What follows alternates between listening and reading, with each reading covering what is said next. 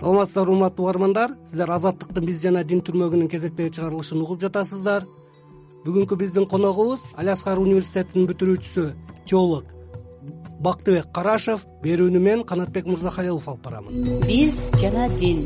Биз жана дин акыркы кезде коомчулук арасында айрыкча социалдык тармактарда диний негиздеги ар кандай маселелерде талаш тартыштар күчөп коомдун экиге бөлүнгөнү байкалууда сиздин оюңузча бул көрүнүш эмнеден кабар берет. Бүгүн бизде аябай актуалдуу маселе болуп аткан суроону бердиңиз. Көйгөйдү көтөрүптүрсүз мен бул сурооңузга күнүбүздөгү үлкөн аалымдардын биринин сөзү менен жооп берейин.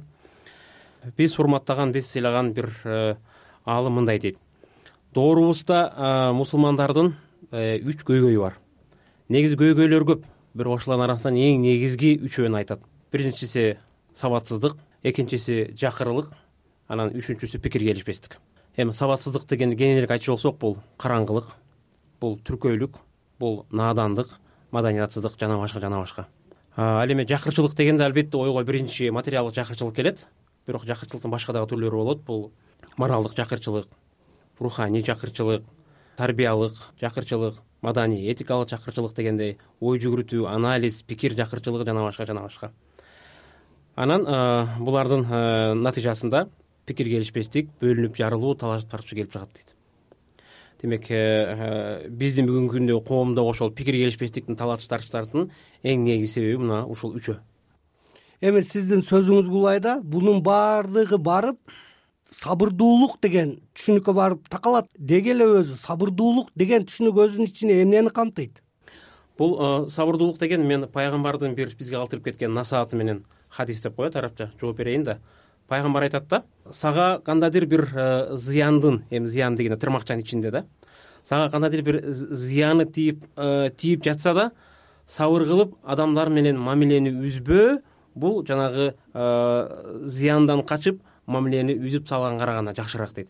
Демек мындайча айтканда бизге кандайдыр бир моралдык руханий же дагы башка бир зыян тийип атса дагы адамдар менен биз бир коомдун мүчөсү болгон соң чыдап сабыр кылып мамиле кылып чогуу жашашыбыз керек. Мына ошону үйрөнүшүбүз керек болот. Эми жалпысынан исламдагы сабырдуулук диний чыдамдуулуктун түрлөрү жана ыймандуулардын сыноолору кандай аспектилердин негизинде бааланат? Бул жөнүндө биздин динибизде шариятыбызда мындай деп айтылат. Сабырдуулук диндеги сабырдуулук. Сабырдуулуктун үч түрү бар. Биринчиси бул күнөөлөргө каршы сабырдуулук. Мындайча айтканда кудай таала тыйган арам күнөө иштерге түшүп калбоо үчүн сабыр кылуу чыдамкайлык кылуу. Экинчиси ибадатка карата сабырдуулук. Жаратканга сыйынуу ибадат кылууда дагы мисалы үчүн намаз окуп атканда адам жалкоолук кармап калышы мүмкүн же болбосо морозо караганда суусап кетиши мүмкүн дегендей жана башка жана башка. Айтор кудай таалага мындай бир табынуу сыйынуу деп коебуз кыргызча мына ошол нерседе дагы бир сабырдуулук көрсөтүү чыдамкай болуу. Үчүнчүсү ар бир жеке адамдын болобу же бүтүндөй бир коомдунбу айтор тагдырыбыз маңдайга жазган башка келген балээлерге кырсыктарга карата оорчулуктарга кыйынчылыктарга карата сабыр кылуу. Мына ушундай үч негизги бөлүккө бөлүнөт сабырдуулук биз жана дин. Эми мына динде сабырдуулук маанилүү болгондуктан ал көптөгөн диний канондордо каралган жана айтылган баардык пайгамбарлар улуу ойчулдар анын зарылчылыгы менен мааниси жөнүндө айтышкан.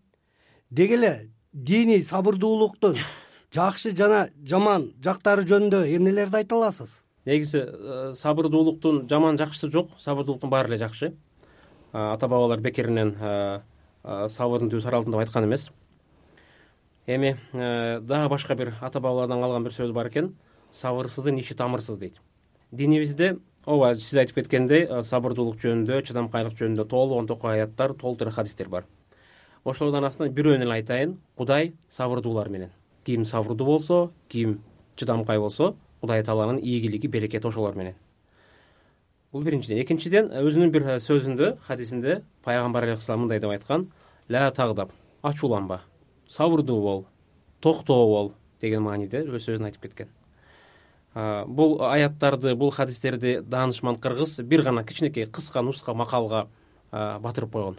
Ачуу душман акыл дос деп. Эми мына дүйнөдөгү диний сабырдуулук менен диний чыдамкайлыктын үлгүсүн көрсөткөн кандай окуяларды мисал катары айта аласыз?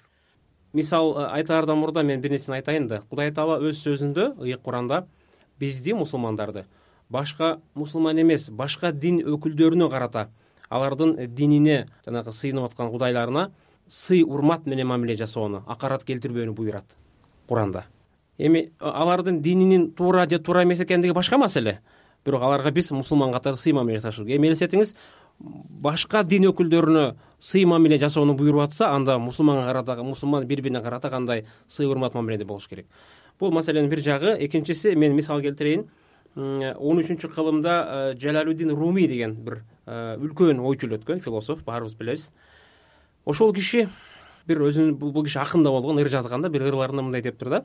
Кел ким болсоң да кел мусулман болсоң да кел христиан болсоң да кел буддист болсоң да кел атеист болсоң да кел келе кой биз адамбыз. Биз мындай бир бул жашоого э, жаңжалдашыш үчүн талашып тартыш үчүн келген жокпуз. Кел мындай бир. Менин э, сүйүүм баарыңарга жетет. Бир чогуу баягы бир ынтымак аракерчиликте өмүр сүрөлү дегендей бир маанини айткан экен да. Анан ошондо бул айтып атса бир киши жанында турган бир киши тигил кишини мындай бир акарат келтирип ашатыптыр да. Сен кандай тиги элдин баарына эле капырларга деле мындай аларды деле сүйө бересиң тигиндей мындай деп эметкен дептир да. Анан руми айтыптыр айтып бүттүңбү депчи? Ооба айтып бүттүм десе кел сен деле кел менин сүйүүм сага деле жетет дейт да.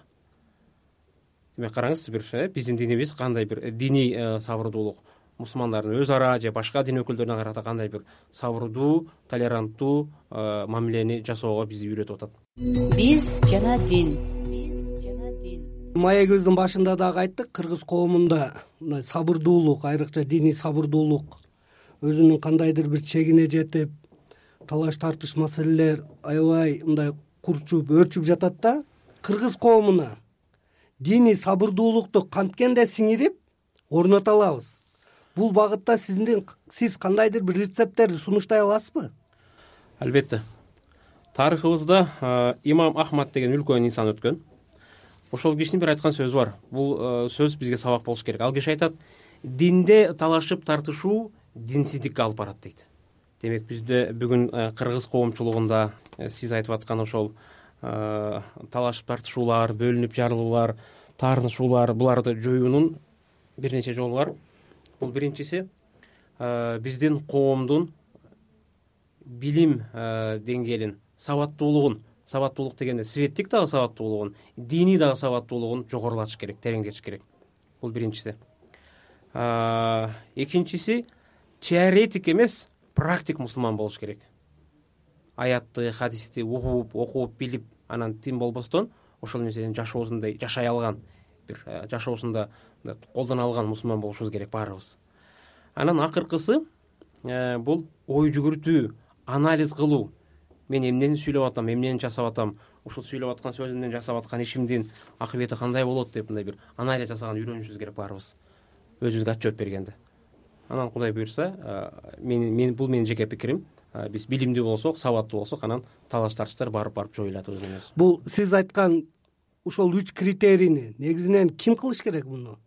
Коомдук уюмдарбы мамлекетпи же диний уюмдарбы? Э, негизи мындай. Дин адамдардын расасына улутуна жынысына чөйрөсүнө кесибине жашына карабастан адамдардын башын бириктирет. Дин ушундай нерсе.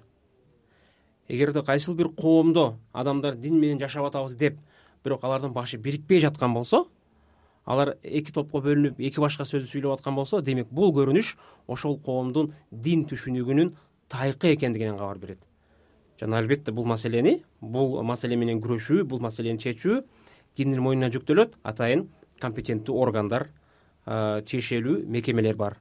Мына ошолор мындай бир реалдуу эффективдүү чараларды колдонуш керек. Кыргыз э, кыргызстандагы э, мусулмандардын э, мындай бир багыт бирдигин алардын бир ынтымагын бекемдөө үчүн бир планда планда программалар иштеп ошону бир ишке ашырыш керек. Биз жана дин эми мен сөзүмдүн аягында эгер уруксат берсеңиз мүмкүнчүлүктөн пайдаланып айта кетейин да. Пайгамбар алейхисаламдын э, ушул биз бүгүн сөз кылып аткан темага байланыштуу аябай сонун сөздөрү бар бир хадисте мындай деп айтыптыр адам чындык ал тарапта болсо да талашып тартышуу деген өнөкөттү таштамайынча ыйманы чалагайын бойдон кала берет дейт. Караңыз эмне деген сөз? Башка бир хадисинде адамдар туура жолду тапкандан кийин кайрадан адашып тескери жолго кетип калуусунун бирден бир себеби бул талашып тартышуу болот дейт. Акыркы дагы бир хадисин айтайын ал киши мындай дептир адамдын мусулманчылыгынын эң көркөм сыпаты бул ага тиешеси жок колунан келбеген эптей албаган нерселер менен алек болбоосу дейт диний талаш тартыш бул нерсени атайын адистер он жыл жыйырма жыл керек болсо өмүрүн арнаган атайын диний илимин адистери ошолор талашып тартышат. А биз карапайым калк талашып тартышууга биздин моралдык укугубуз жок. Бири бирибизди сыйлап тынч жашашыбыз керек.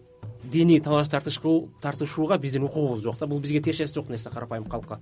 Аалымдар талашат. Алар өздөрү этиканы сактап баардык кетип шарттарды сактап талашышат бактыбек мырза убактыңызды бөлүп бизге кеңири маек бергениңизге ыраазычылык билдирем. Урматтуу угармандар сиздер азаттыктын биз жана дин түрмөгүнүн кезектеги чыгарылышын уктуңуздар. Биздин суроолорго али аскар университетинин бүтүрүүчүсү теолог бактыбек карашев жооп берди. Берүүнү мен канатбек мырзахалилов алып бардым. Саламатта калыңыздар